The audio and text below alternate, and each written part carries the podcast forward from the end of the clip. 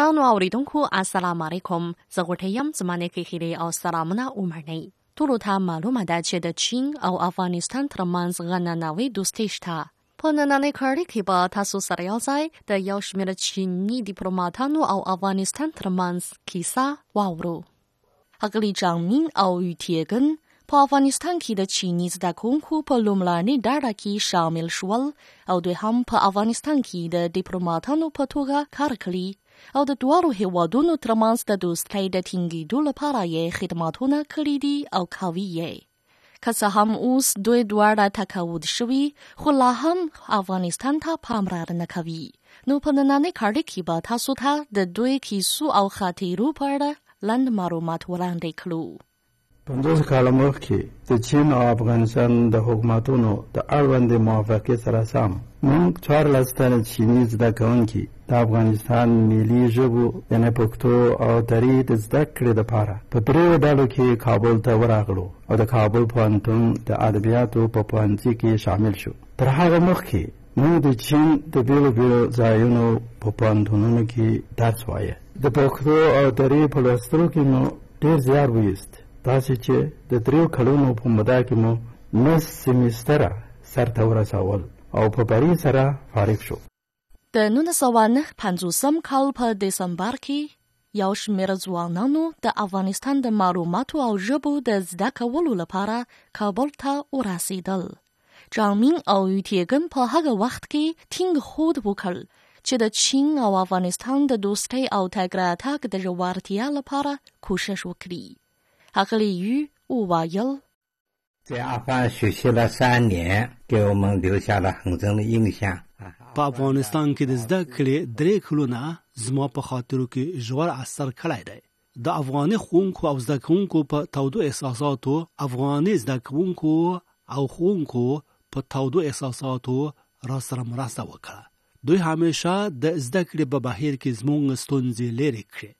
په یو کال کې مو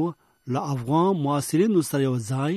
د څېړنې په هکله د افغانستان شمالي برخې ته سفر وکړ په هغه وخت کې افغانستان یو سوله ایز او آرام هیواد وو او خلک یې ډېر زحمتکښ وو له کابل پوهنتون څخه له فارغېدو وروسته هغلی جان او یوی په ګډه په افغانستان کې د چین په سفارت کې کار کاوه د تیرې پیړۍ په شپېتمه لسیزه کې د دواړو هیوادونو ترمنځ لوړ پوړې تګ راتګ ډیر زیات شوی دی هغلی جنګ وویل د دواړو هیوادونو ترمنځ د سیاسي اړیکو د ټینګېدو وروسته د چین او افغانستان روابطو ښه پرمختګ موندلی دی په تیره بیا په نولس سوه څلور شپېتم کال کې الحضرات محمد ظاهر شاه چين ته سفر وکړ او په نولس سوه شپږ شپېتم کال کې د چين ولسمشر ليو شاوچي له افغانستان څخه لیدنه کتنه وکړه د دې متقابلو لیدنو کتنو له امله د دواړو هېوادونو د خلکو ترمنځ دوستانه اړیکې یوې نوې مرحلې ته رسېدلې دي هغه وخت زه په کابل کې وم او کله کله به کاریزمیر ته تلم چې د هغو داودي ګلونو غم وخورم چې د چین ولسمشر لخوا د افغانستان پاچا ته د تحفې په ډول ورکړل شول د نولس سوه نهه اویایم کال په دیسمبر کې پخواني شوراوي اتحاد په افغانستان په تیری کولو پایل وکړ له دې نه وروسته د افغانستان کورنۍ جګړه رامنځته شوه او لسګونو کلونو لا تر اوسه دوام لري د نولس سوه درې نوي یم کال په فبروري کې د دیپلوماتانو د امنیت ساتنې لپاره د چین حکومت په افغانستان کې خپل سفارت وتلو هغلی جامین وویل د تنظیمونو ترمنځ شخړو د کلونو لپاره دوام درلود او هیواد ته یې سختې صدمې رسولې عامو خلکو ډېر کړاوونه لیدلي دي په کابل کې اوسېدونکو کور دیپلوماتانو ته په کابل کې اوسېدونکو کور دیپلوماتیکو هیئاتونو ته هم د ژوند او کار شرایط میسر نه دوی مجبور شول چې خپل سفارتونه وتړي خو د چین سیاست داسې دی چې هیڅکله د نورو په کورنیو چارو کې لاس نه وهي او هیله کوو چې په افغانستان کې د بیلو بیلو ډلو ترمنځ د خبرو اترو له لارې یو پراخ بنسټ حکومت رامنځته شي ترڅو په پای کې سوله په هیواد کې برقرار شي کله چې جګړه رامنځته شوه هغلی یوی په دې نسبت اندېښمه وو چې جګړه به د افغانستان کلتور ته زیانونه ورسوي ده وویل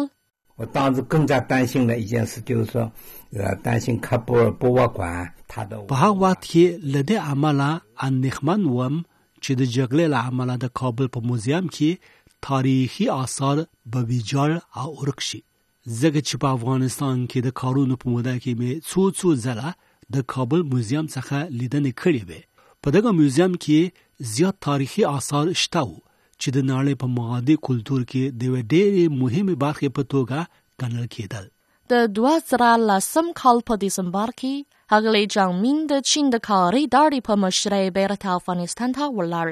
هغه د افغانستان د لند مهالي حکومت د جوړېدو په مراسمو کې ګډون درلود او ولسمشر حامد کرزی ته یې د چین د حکومت د مبارکي پیغام وړاندې کړ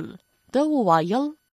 هغه وخت مې د چین د باندنیو چارو وزارت د استازي په توګه د افغانستان د لنډ مهالي دولت د جوړېدو په مراسمو کې ګډون وکړ کله چې په بازار کې ګرځېدم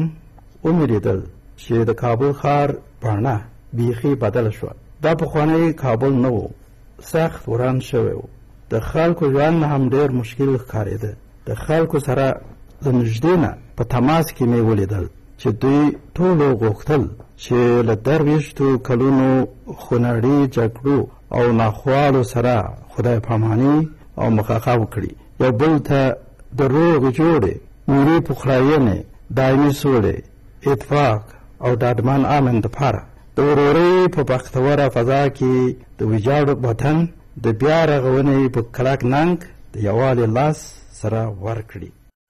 اوس دغه دواړه هغړي تقاعد شوي خو دوی په پله راپسې توګه په چین کې د افغانستان کلتور د خپرونې او د پښتو ژبې د ورزده کولو لپاره خپلو کوششونو ته دوام ورکوي هغړي جان وویل پښتو یوه خوږه ژبه ده او موږ ورسره مینه لرو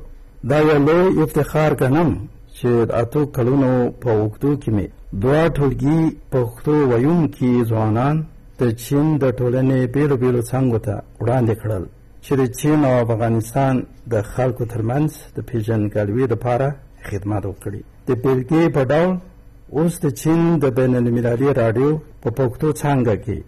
یوړستیانه شامل دي. خاص یادونې وړ خبره دا ده چې په دې فارغ التحصیلینو کې څلور تنه د چین په پوهنتونونو کې پښتو ښوونکي شول چې دوی به زما کار ته دوام ورکړي. هغلی یو د ناروغي له امله په پوهنتون کې د ښوونکي په توګه کار ونه کړ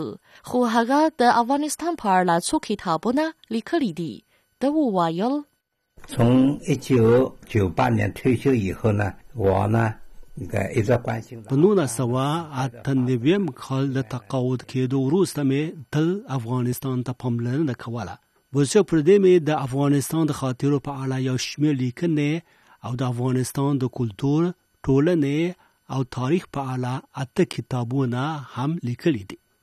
په دوه زره نهم کال کې مې د دې لپاره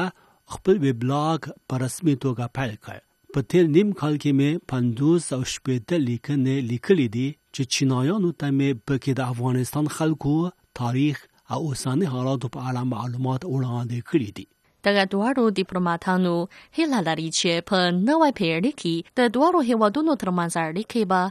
لا نورې ټینګې شي. د چین هېواد له افغانستان سره دوستانه روابط لرلي دي او لري یې. اوس په کابل او نورو ځایونو کې د چینایانو شمیر د پخوا په نسبت ډیر زیات شوی دی همدارنګه چین ته د افغانانو تګ راتګ هم ډیر دی دا ټول د دواړو هیوادونو د دوستۍ او همکارۍ د روابطو د جديوالي نمونه ده هیله لرم چې دغه روابط د دواړو هوادو د خلکو په ګټه نور هم قوي شي زه د افغانستان د خلکو د ژوند نیکمرغه سوله آرام غواړم هیله لرم چې افغانستان به پر نور هم پرمختګ وکړي